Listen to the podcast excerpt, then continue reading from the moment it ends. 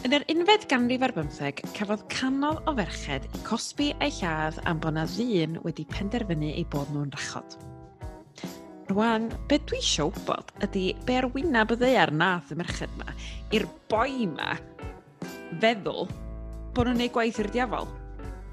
Oedd gen nhw gath ar enw Myrsen? Oedden nhw'n rheoli'r tywydd?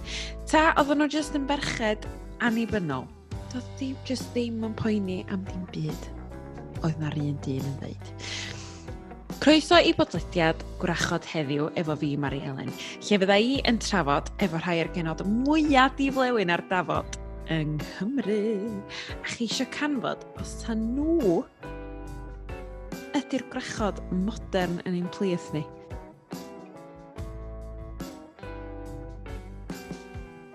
Helo. A chroeso nôl i bodlediad gwrachod heddiw diolch am ddod nôl. Os ydych chi am am y tro cyntaf, croeso. Um, dwi jyst eisiau dechrau'r podlediad os yma yn deud diolch o galon i bawb sydd wedi cysylltu um, yn ymateb i'r podlediad dwi'n fo Mared. Mae'r ymateb wedi bod yn amazing. Da ni ddim yn ei ddisgwyl o, o gwbl. Um, Mae lot yna chi'n gael Sabrina Secrets lot. um, a dwi'n meddwl mae di... mae di wneud lot o bobl di bach yn nostalgic. Um, lot yna chi'n dweud bod chi'n uniaethu fo mared sydd yn clas a lot yna chi yn dweud bod chi o'r un farn um, ach bod chi'n gweld gwrachod fatha ffigur a cryf. Doedd di mof yn rhannu beth nhw'n feddwl. So, felly, diolch. Diolch o gael yn ymgysylltu. Dwi'n meddwl bod chi gyd yn awesome a diolch am ddod nôl os ydych chi wedi dod nôl. Mae'r rach mi fydda i yn cyflwyno i chi heddiw yn rach anhygol. Um, ehm, mae hi yn... Uh, gyfarwyddwr ymgysylltu creadigol i Theatr Clwyd.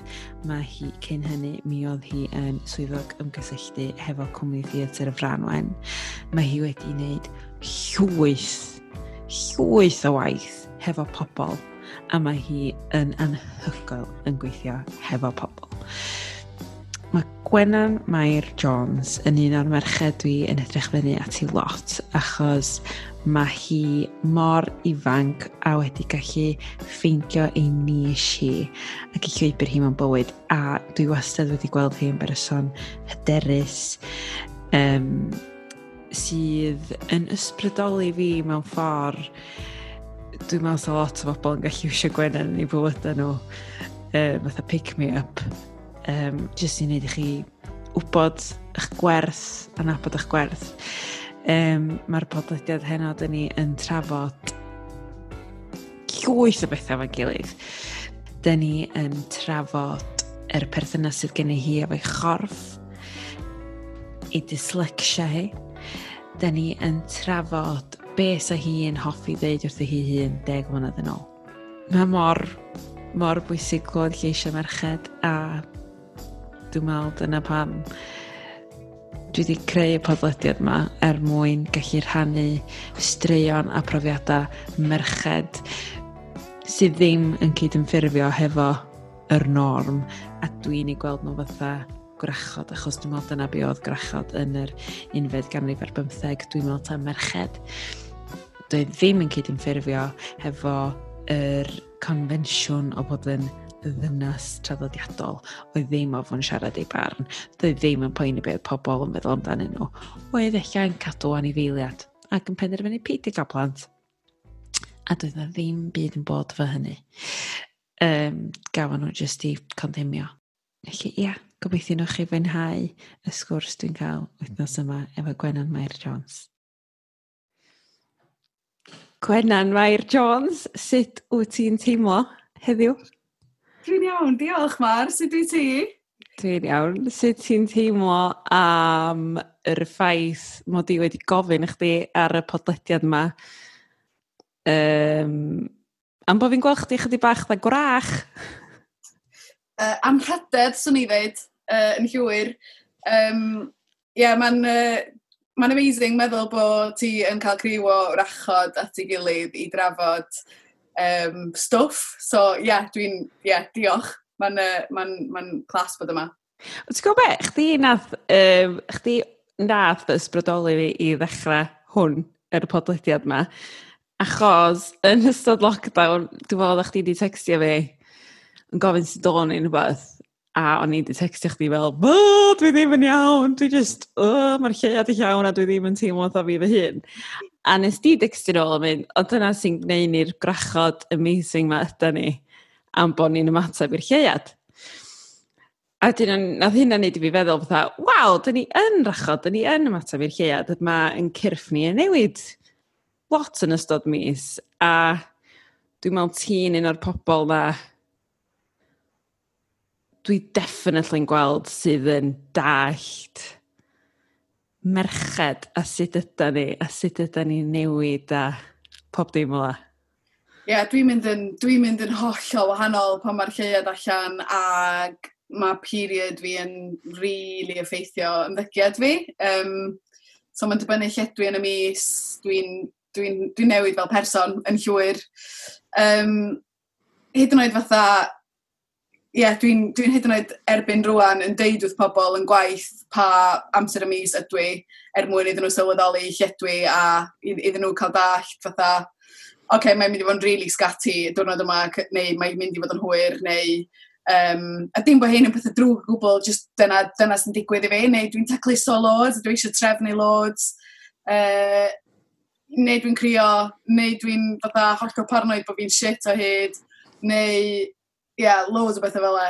Um, yeah, a mae'r ma, un peth neu gyda'r lleiad, fatha, dwi'n dwi'n gwybod be ydi o, mae yna ma, na, ma na rhywbeth efo'r tonna'r môr neu rhywbeth. Dwi heb edrych i mewn iddo fo digon.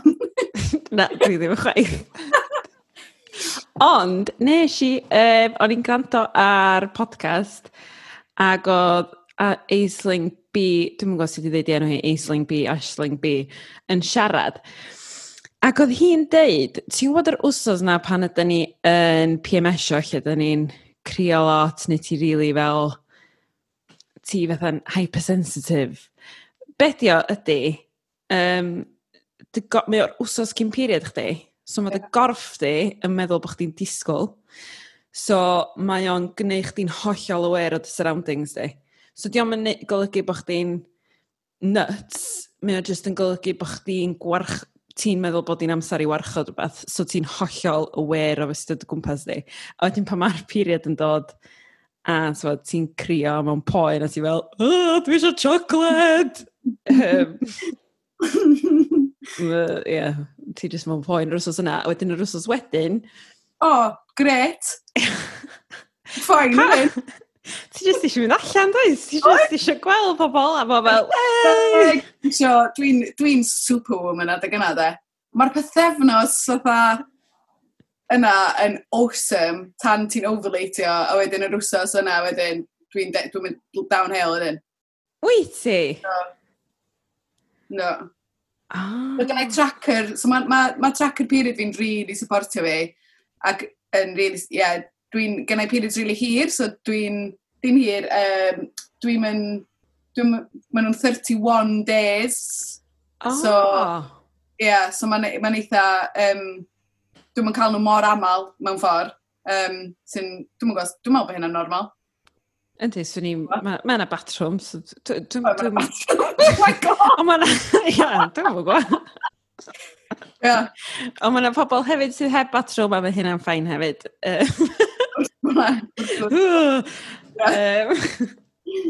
Wrth gwrs bo'na. Ie, ond mae'n ma ddifur dydi, mae'n er, ma teimlo fel dros lockdown, dwi wedi cael lot o sgyrsiau efo merched gwahanol sydd yn lot mwy agored am bethau. Dwi'n gwybod os mae hynna wedi digwydd yn lockdown, ond uh, a siarad yn eitha agored am hormons nhw a, um, a sut mae o'n effeithio nhw. Um, a dwi'n dwi'n bod, dwi'n dwi wedi wneud hynna lot o blaen. Uh, so mae hynny wedi bod yn really braf. A rhannu tips fel, dwi'n, dwi mae Evening Primrose uh, oil wedi wir newid ffordd uh, dwi'n gweld pethau. Mae'r un sgwri fel awr. Ydw dwi'n sgwennu Evening Primrose oil. o, mae o'n ma anhygoel. Beth ti'n neud efo fo? Just, just cymryd capsule bob dydd. No way. A mae o, mae o di... Dim syniad os yna jyst oedd placebo di o'n i be, ond mae o, dwi wir yn meddwl bod o wedi, mae o'n lefelu fi allan chydig bach. Dim loads, dwi dal yn, dwi dal yn shiftio, ond dwi'n teimlo wrth bod fi slightly in control, a dwi wedi bod yn cymryd o ystod blwyddyn. Um, yeah, mae o'n mae o'n rhywbeth sy'n rili really wedi, wedi helpu fi. Dwi'n cofio bod fi heb ran efo hyn o chi o blaen, sori. Na, na, wel, to be, de, dwi yn mynd i chwilio am hynna. Lle sa ti'n gael rhywbeth... Lle sa ti'n gael y pethau yma, Gwenhan? Siŵr bod nhw mewn lot o siopa. Ond uh, dwi'n cael nhw o Holler yn y Barrett. O, dwi'n mynd i ofyn os ti'n Holler yn y Barrett, oedd e. Ah, clas. Mae yna rei lle ti'n gallu gael fatha B6 neu rhywbeth yn nhw hefyd, so a rhai fel magnesium hefyd sy'n rili really dda ar gyfer immune chdi o stwff fel hefyd. So, a yeah. ti'n gwybod be, a ti wedi helpu chdi efo, dim bod yn gallu fatha switch o hormones chdi off, ond dwi on ar hyn o bryd yn dod off wen. Ond i sadwn, just cyn i mi ddod on, nes i drilio drwy'r dydd yn crio'n gwely ac o'n i a ddewis efo'r plant ac o'n i o'n i just methu neu'n byd efo neb, o'n i fatha just methu stop y crio, ac o'n i fel, dy hyn efo normal. Ond, eich oes rhywbeth fel an helpu fi?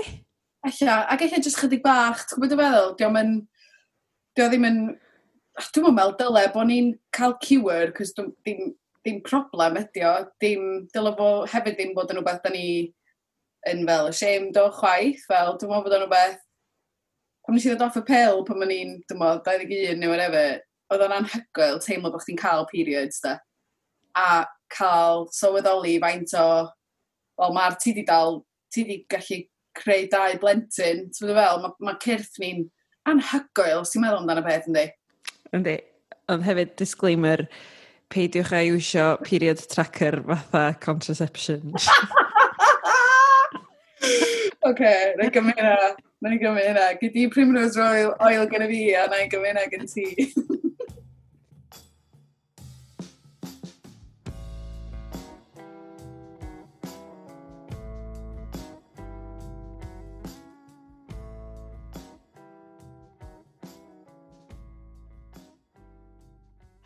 Ond dyn ni'n mynd i gychwyn efo y cwestiwn cynta. Um, Sef, pa... Glas. Sorry, cyrwain. Dyn ni'n mynd i gychwyn efo'r cwestiwn cynta. Um, pa nodweddion sydd gen ti, ti'n meddwl sy'n debyg i'r clasic grach? Ie, yeah, so nes i gorau googlo be oedd nodweddion gwrachod, cos o'n i'n slightly ie, yeah, dwi'n fath, just, just teimlo bod fi angen uh, paratoi i chyri bach, ond wedyn dwi heb paratoi o gwbl. Um, ie, yeah, dwi'n siŵr, Mar, dwi'n siŵr iawn, beth dyn nhw, really. O, o ran, os dyn ni'n edrych yn ôl ar y rei clasic, mewn ffordd fel, dwi'n methu hedfan. uh... Na, ond, oce, okay, os, os wyt ti'n bod yn... O, oh, cael caredilaid yeah, on, ond... Um, Dwi'n teimlo fatha bod fi yn erbyn hyn wedi cyrraedd lle mewn bywyd, lle dydw i ddim yn poeni am beth mae bobl yn feddwl amdana i. Dwi wedi tyfu o hynny, achos mi o'n i'n bendant yn, uh, pan o'n i'n berson dwi'n bo, pan o'n i'n ifanc, o'n i'n, dwi dal yn ifanc, ond pan o'n i'n ifancach, o'n i'n O'n i'n bendant yn poeni, ac o'n i'n poeni lot gormod. So mae hynna wedi bod yn siwrna eitha caled, dwi'n meddwl, i tyfu fyny a sylweddoli bod fi yn ddigon. Um, a sylweddoli bod chdi ddim o hyd yn gorau bod yn cant y cant, a mae hynna'n oce. Okay. Pam, pam bod mor gas efo chdi dy hun, um, a pam, ych, dwi'n meddwl, holl thing ma am cymharu'n hynna i bobl eraill. Dwi, dwi, dal, yn, dwi dal angen um, edrych ar hynny chydig bach, ond dwi'n bendant yn, yn dechrau um, sylweddoli bod fi ddigon, bod fi ddigon yn hun, a bod, bod yn oce okay, jyst bod yn fi. Um, ac yn bendant, swn i'n dweud fatha o'r rhan yng ngwaith i, um, be dwi'n caru wneud, dwi'n definite yn, yn, yn dwi'n dwi, eitha lwcus bod fi'n gallu rhoi pobl eraill cyn y fi mewn ffordd. So dwi'n gallu wedyn uh, peidio poeni beth mae pobl yn feddwl os di hynna'n ei sens, achos dio ddim am y fi, mae o am pobl eraill o hyd. So dwi'n meddwl bod hynna'n... Ie, yeah, dwi'n meddwl bod fi'n eitha hyderus yn, yn gallu rhoi llais i bobl eraill, rhoi platform i bobl cael rhannu stori nhw. Um, os di hynna'n neud unrhyw sens, trwy defnyddio theatr mewn ffordd, ie. Yeah. Ti mewn um, ti mewn job uh, fatha da. Fatha, mae gen ti staff, um, mae gen ti dîm, chdi di'r bos o dy adran di. Ti'n gwybod, ac oeddech chdi'n ifanc iawn yn cael job mor chael fyny yn y byd theatr, hmm. yng Nghymru hefyd. Ti'n gwybod, Dwi'n meddwl mae hynna yn elfen reit wrachaidd, achos dwi'n cofio chdi mynd am y cyfweliad a dwi'n cofio chdi... Ie, yeah, dwi'n cofio mynd am y swydd, oedden ni'n... Um, oedden ni yn Edinburgh, oedden yn, yn, uh, pam ddoth nath eitha lot o bobl gyrru'r swydd i fi a mynd, mae'n rhaid ti fynd am hwn. Ac o'n i'n just fel, o, oh! o'n i'n caru gweithio fo ran wen. Ac um, o'n i'n rhwng dau feddwl be i wneud, a sut i, sut i symud ymlaen, a sut i, ie, yeah, os oedd yr naid yn rhywbeth, o'n i erioed i gweithio'n clwyd, um, o'n i erioed i bod i clwyd llawer, chwaith, fatha, oedd o'n rili, really, dio ddim, dio ddim yn theatr sy'n rili really ar reidar ni, dwi'n meddwl, fatha, neu doedd o ddim, bendant. Um, so, ie, yeah, nes, i, nes i fynd am swydd, gysi cyfweliad, um, really ddim yn meddwl sy'n ni'n cael cyfweliad. Uh, a wedyn nes i, oedd, uh, nes i golli nain yr noson, um, noson y cyfweliad, uh, cyn y cyfweliad mewn ffordd. So, uh, o'n i wedi yfed eitha lot o whisky i'r noson yna a'r gwely angau nain. Uh, ac bechod math os dreifio fi i'r cyfweliad bore wedyn a fi na dal yn neud yr presentation yn y car. Uh, so, o'n i'n gorffen o. So, so o'n i'n siŵr os o'n i'n mynd i fynd, ond o'n i'n teimlo fatha bod egni nain efo fi yn mynd i'r cyfweliad. A dwi'n mynd rili really cofio'r cyfweliad.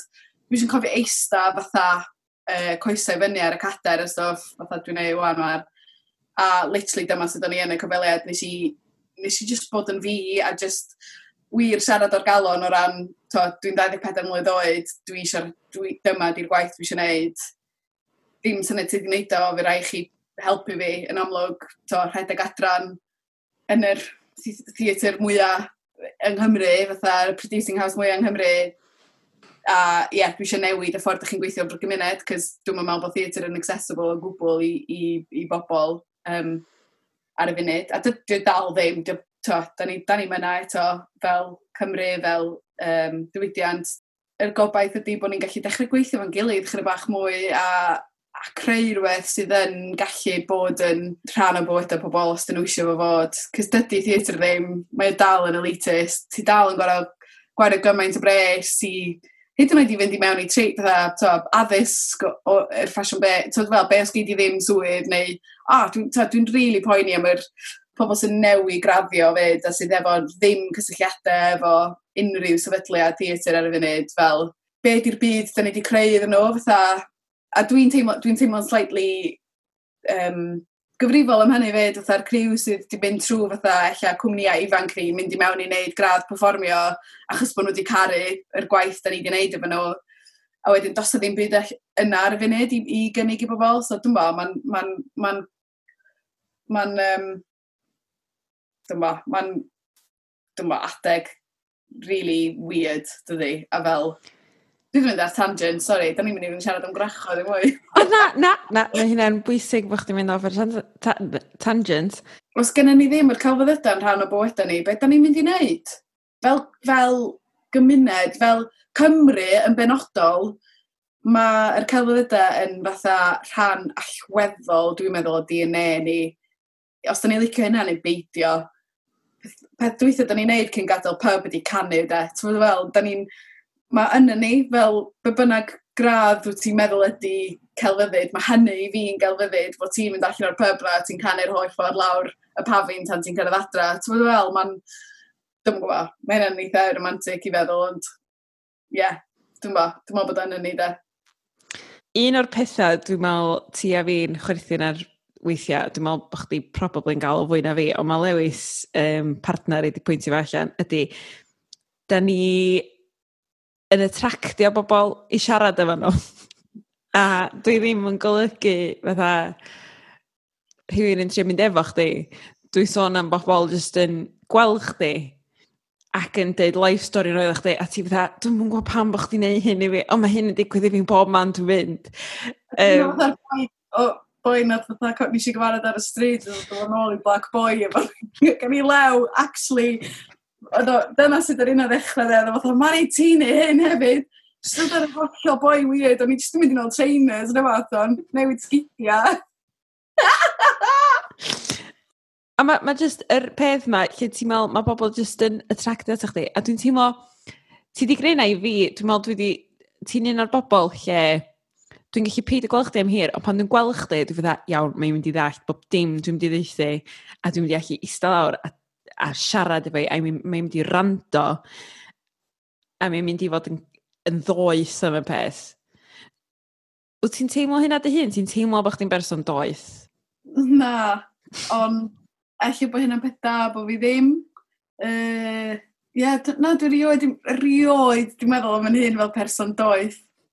Mae o'n bach o sioc. Um, dwi'n meddwl, dwi meddwl bod fi'n teimlo i'r byw, de.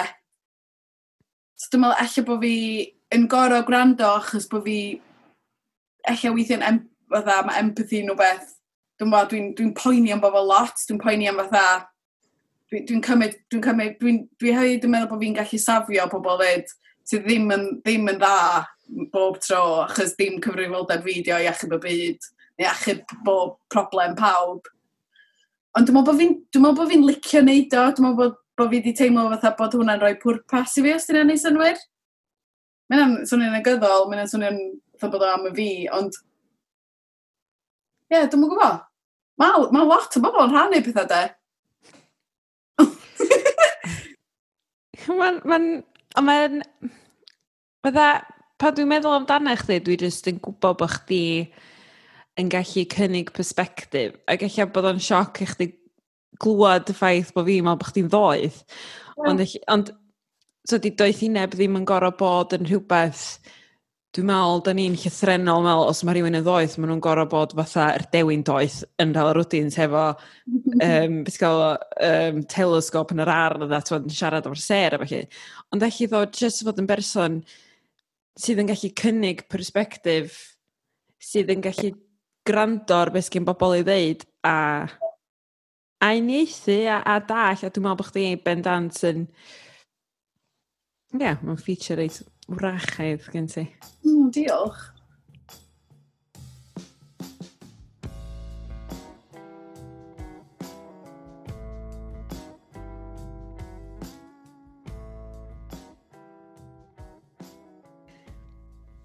Ok, so dwi'n mynd i ofyn cwestiwn dwi'n meddwl sydd yn gwestiwn ofnadwy anodd um, i chdi rwan, mae grachod yn adnabyddus am fod yn merched oedd yn caru hynna'n.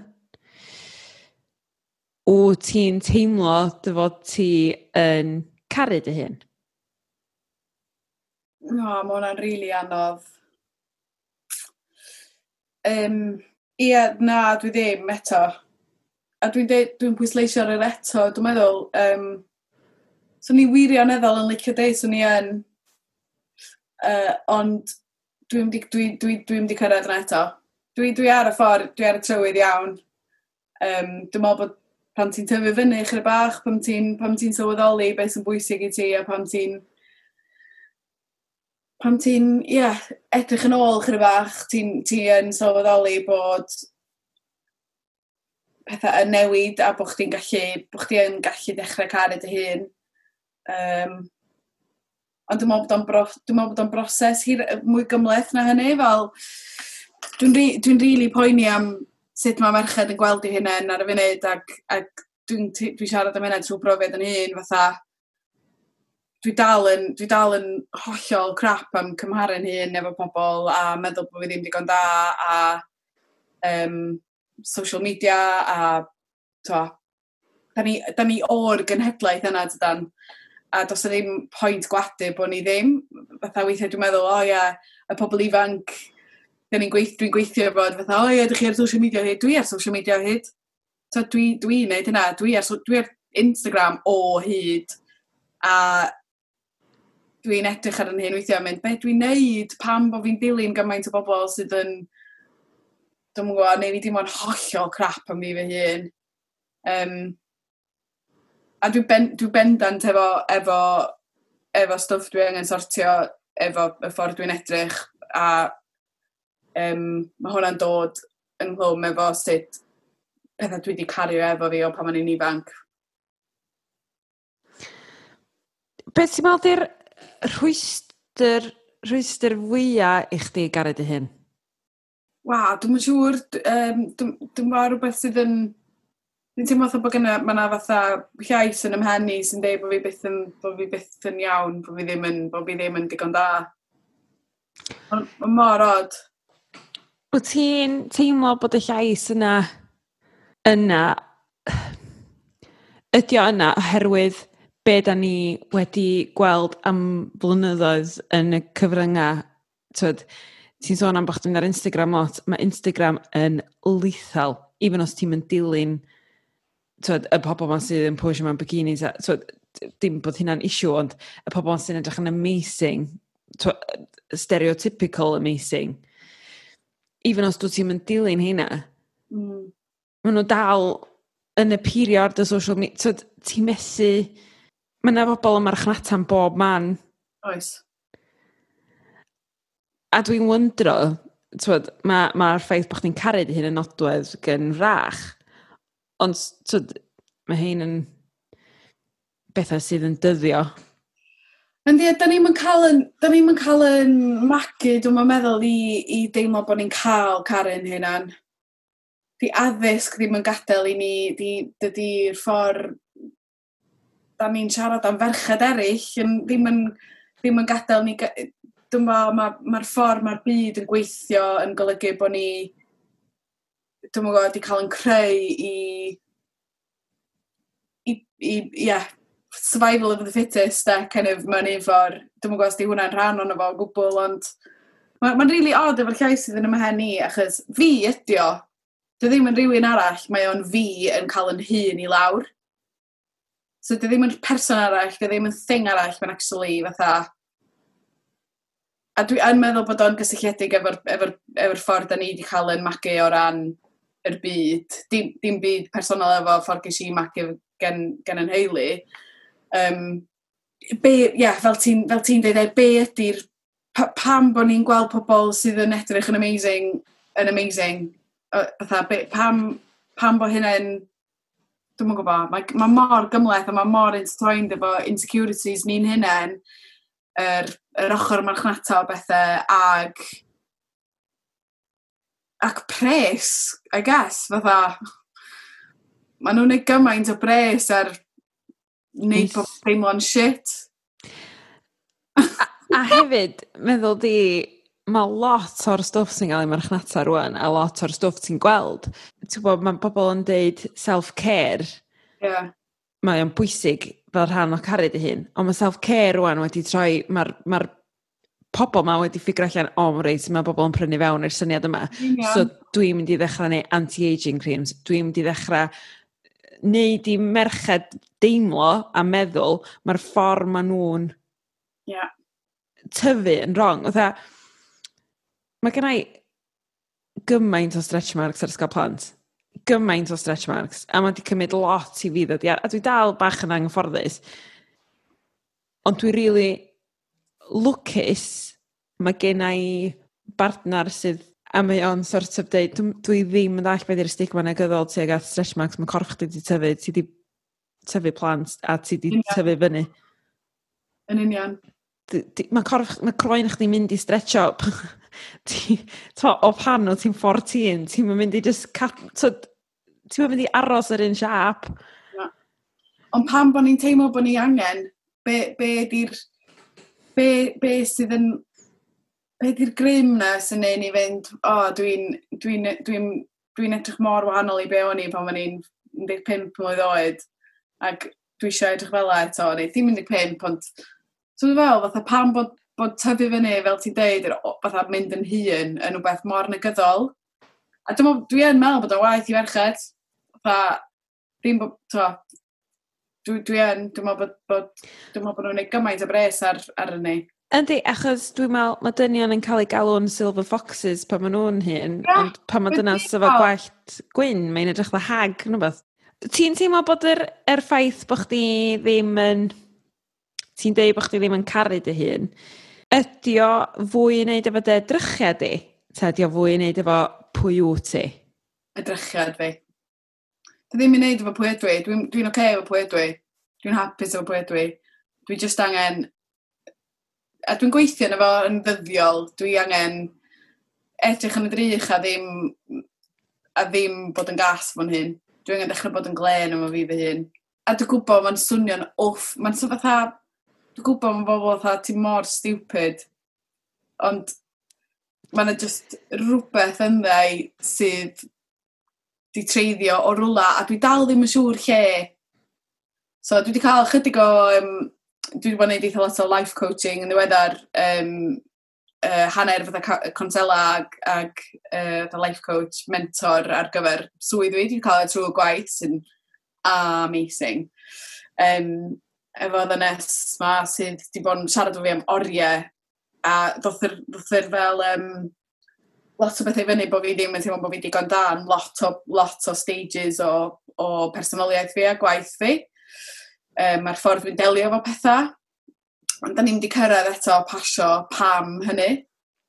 Um, yr, unig, yr unig beth fedra i feddwl am ydy dwi'n dwi, dwi babis IVF. Um, so, nath mam, nath mam dad uh, treulio pum mlynedd yn, yn creu fi, so dwi'n test you baby. A dwi'n siŵr os, os di hynna wedi aros efo fi, bod fi yn meddwl bod fi angen bod yn lot mwy nag ydw i, fel bod, bod pressure o fod yn babi, eitha miracle baby mewn ffordd yn y dyddi yna. Ie, yeah, hwnna di'r unig beth dwi'n gallu dal ar i, i trio treisio lle, lle mae hyn yn mynd i. Ond mewn ffordd di hynna ddim really neu sens chwaith. Um, O na, mae o. Dwi'n hollol... Ti'n meddwl? Mm. Dwi'n rioed meddwl amdano fo fel a blaen. Na, na, o'n i chwaith tan, ie, yeah, yn ato. O, oh, hefyd, ewch i siarad fo rhywun, achos peth, un o'r beth agorau dwi'n rioed, to, dwi'n mor lwcus dwi wedi cael y trwy gwaith, a dwi'n gwybod bod o'n ddryd, ond, jeez, ie, yeah, un o'r pethau gorau, un o'r pethau gorau pam nes i wneud o'r cynt, dwi ddim yn gwybod achos dwi'n meddwl achos mae yna ma, bach o stigma dal i fod am y peth, ond mae o'r peth gorau wneud i wneud. Ne, cytunaf, tic, cytunaf.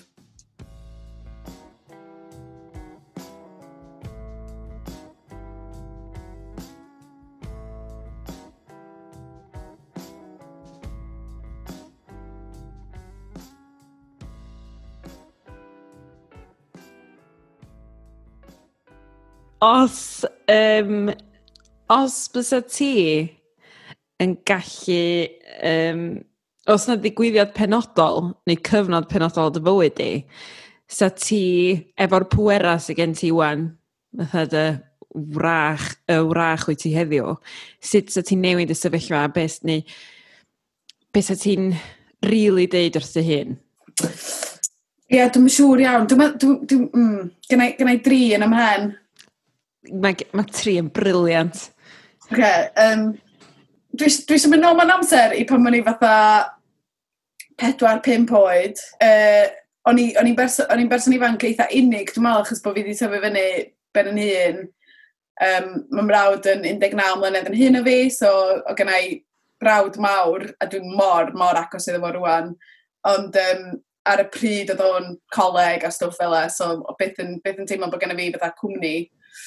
Um, swn i yn deud wrth, ei, uh, wrth ffrind fi oedd yn byw yn y wal, sef hir. Oh, sweet. uh, yeah, gyda invisible friend yr enw hir yn y wal. Literally hir yn y wal oedd enw fo. Uh, uh, so ni'n deud hir yn y wal, fes ni licio fo sef fo yn aros, yng nghwmni, yn, yn aros o gwmpas yn hirach Na, dyna sy'n dweud. Ia, yeah, bod, bod ffrind fi, Llyr yn y Wal, yn ffrind go iawn. Dim, just, dio ddim bwys bod o'n dy ben di. Mae'n ma oce, okay, fatha ti ddim yn unig. Ti yn, actually...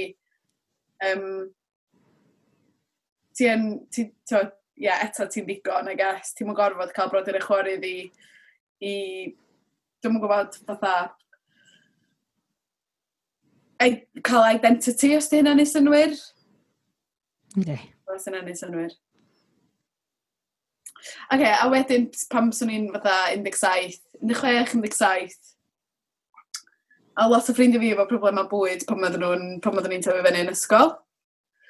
Um, uh, problemau bita, uh, lle yn y, yn y bimp o'n ni mewn criw o ffrindiau, uh, nath dau ohonyn nhw actually mynd yn um, uh, gath nhw epilepsi allan o, o problem bwyd nhw. So trwy blwyddyn, pimp, uh, blwyddyn deg a un ar ddeg, o hwnna'n bwysau eitha mawr i ni fel, fel criw. Oedden ni'n gorau kind of gwarchod ffrindiau ni eitha lot, so bod nhw'n mynd disgyn lan grisia a stwff fel la. So, um, oedden ni eitha...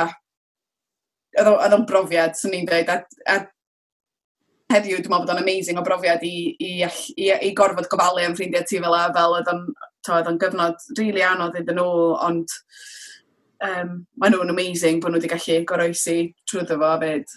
Um, Dwi'n meddwl, swn i yn...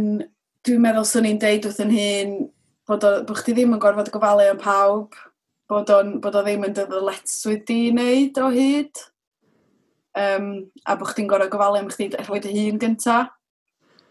Um, Rhif tri, chyrra bach yn flin bod fi wedi dod yn syth, no, syth o coleg adra.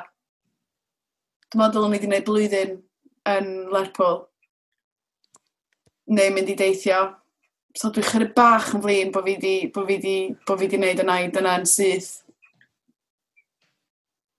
So os ni deith yn hyn i just pwyllio chydig bach.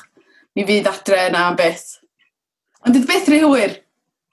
Um, pan ti'n sbio nôl ar dy hun, dwi'n gwybod, um, so, nes di yn 2016, ges di um, raglen ar Radio Cymru mwy.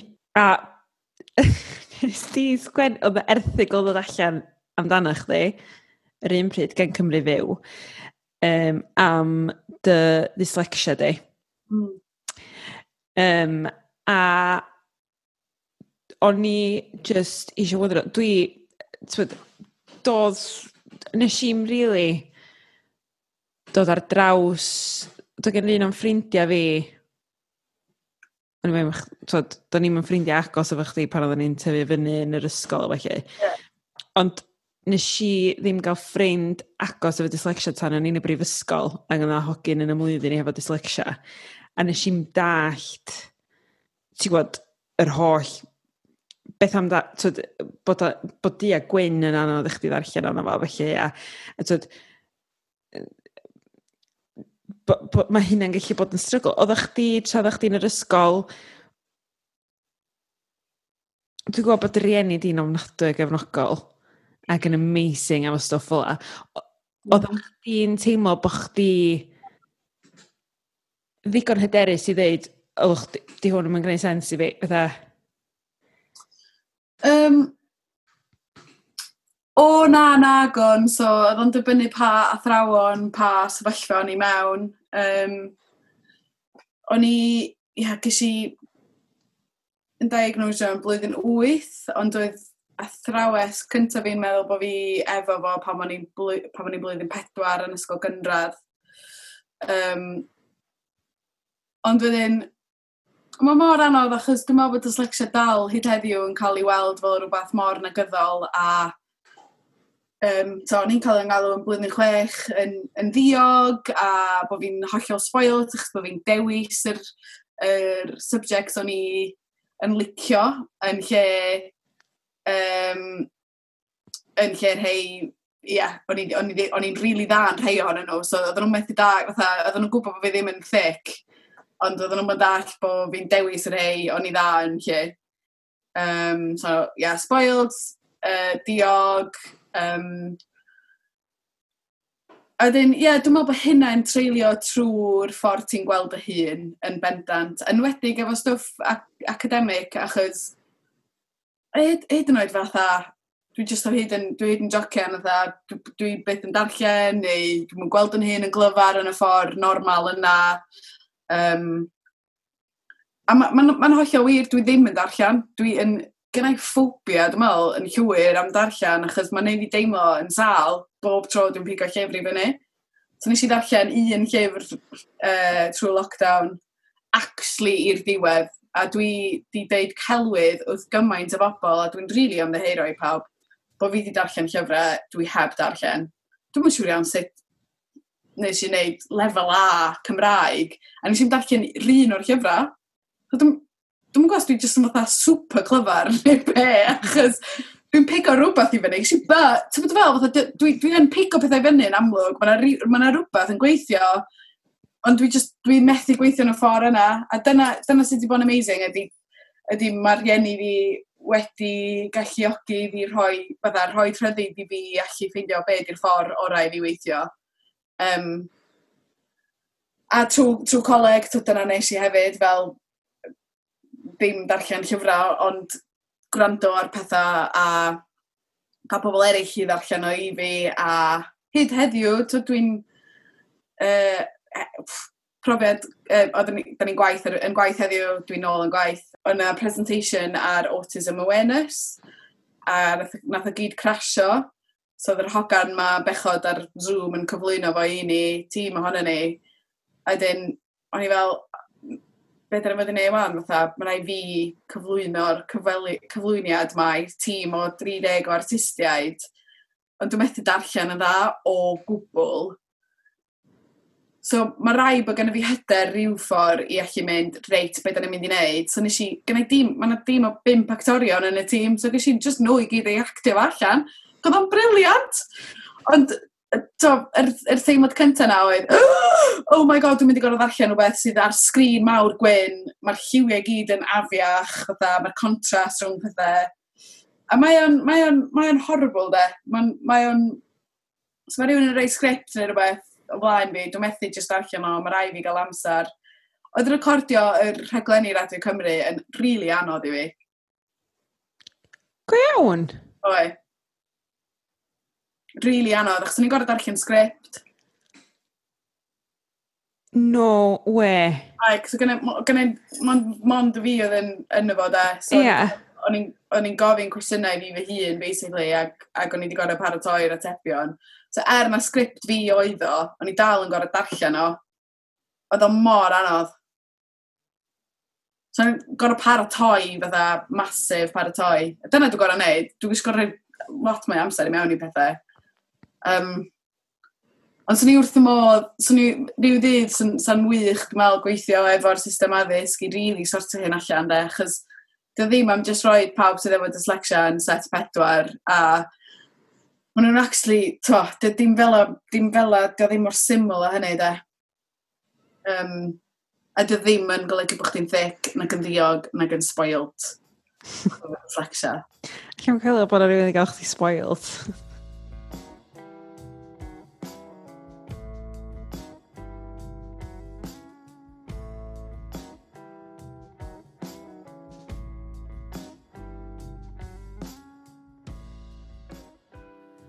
Fy nghwestiwn nesaf ydy um, be di'r peth o fwyaf gwrachaidd ti wedi gwneud. Ond um, um, ar ddechrau'r lockdown, nathon ni fel grŵp o ffrindiau, dwi'n meddwl, derbyn llun gyn Gwennan ar WhatsApp. O dy llian yn ei thu, oedd hi wedi penderfynu achub. O, nes i achub dy hunan. Billy, di enw hi. O, di dal efo chdi? Na, na, nath i, nath i, um, nes i gael ei fwydo, fe ddim, nath i gymaint y peder awr i fi.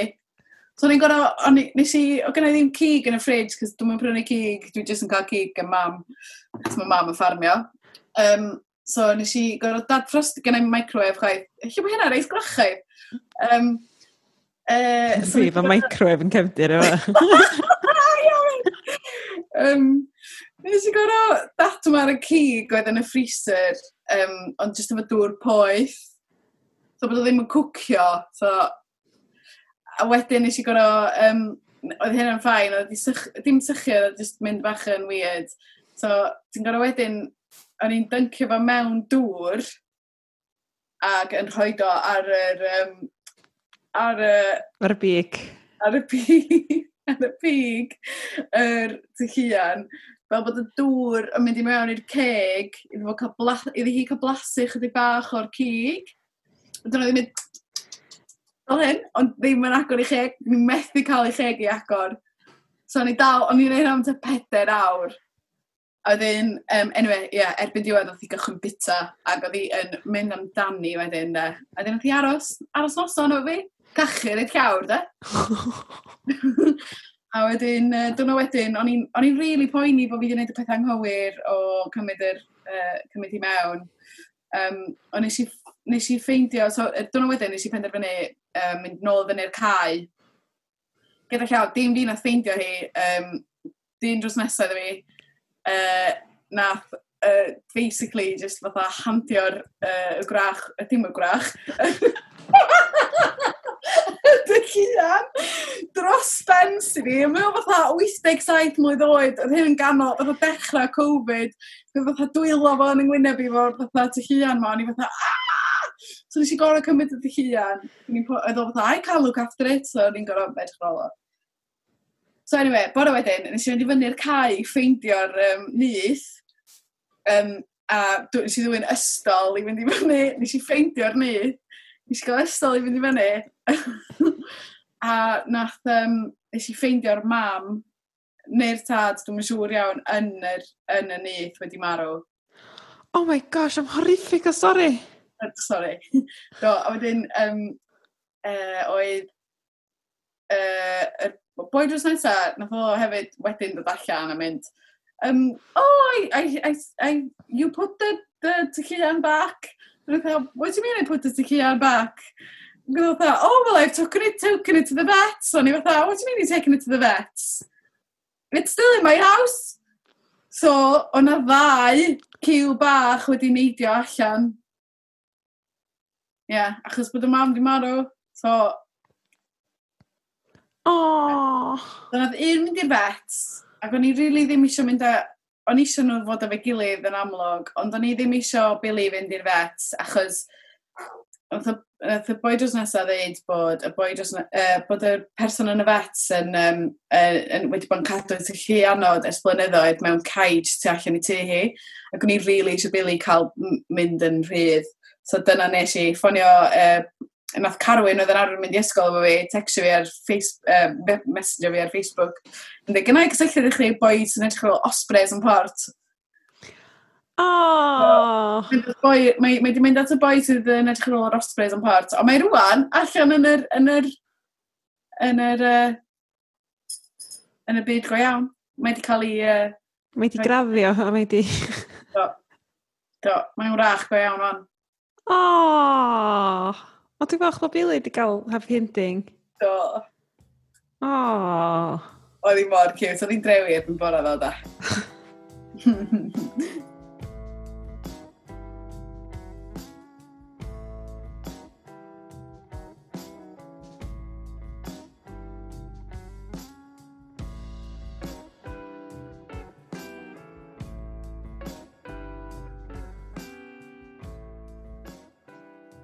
cwestiwn ola dwi'n mynd i ofyn i chdi heno. Um, sef, y cwestiwn mwyaf dwi'n teimlo, pwy ydy'r wrach um, ti'n edmygu fwyaf byw neu farw? Mam. Ti isio sôn chydig bach am fi ni? Ie, yeah, mae mam yn... Oh, mae'n mae'n fwy na just mam i fi, mae'n ffrind gorau i fi, mae'n chwaer, mae'n nain, mae'n bob dim dan hael. Um, mae'n berson sydd uh, yn fwy na jyst mam i fi fyd, mae'n fatha, mae'n mam i ddo lot o bobl. uh, well, second mum, lot. Um, mae'n berson anhygoel, dwi'n meddwl ti'n cael dy am dy fam dy hun. Um, a ti gymryd y ffarm drosodd pan oedd hi'n 19 mlynedd oed. A di erioed i stopio ffarmio e, a mae'n be 67, 68, 68. Um, mae hi wedi byw drwy lot, mae hi wedi groesi a uh, sefyll i fyny am hawliau lot o bobl hefyd, so oedd hi yn uh, wneud loads yn um, streic y glowyr, um, a lot o bobl yn cofio hi yn neud lot efo CND hefyd. Um, mae'n berson really, dwi'n bo, mae'n reit political a mae di, di, ddim yn, di ddim yn ofyn deud i barn a um, hefyd yn berson andros o gry fel, fel, ie, yeah, mae egni hi jyst mor, dyma, um, mor bwerus, dwi'n meddwl, mewn, mewn ffordd sydd yn really includio pobl eraill i, mae'n yeah, mae gallu, mae gallu neud rhywbeth mewn stafell sy'n sy andros o special.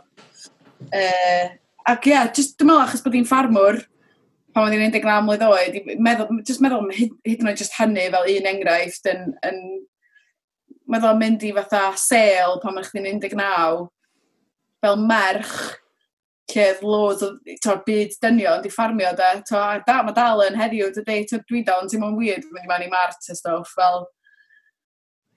Ie, yeah, mae ma di, ma di gallu cwpio yn llwyr a, a, a ddim just cwpio ond creu rhywbeth anhygoel efo busnes gwerthu cig organic, um,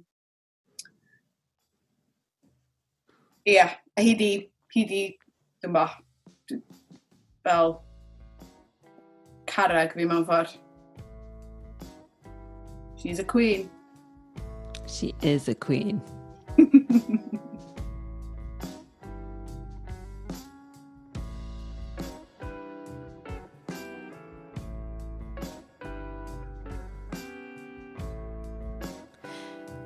Diolch yn fawr iawn Gwenan am fod mor onast a mor driw i hi hun yn ystod y podlediad heddiw. Um, mae jyst yn briliant pan mae bobl yn bod yn rili really down to earth. Um, a am, am pwy ydyn nhw.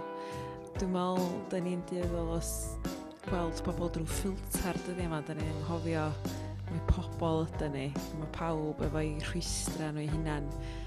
Um, felly mae jyst yn clas gweld eisiau rhannu storys a gweld sut ydyn ni gyd yn debyg i'w rachod.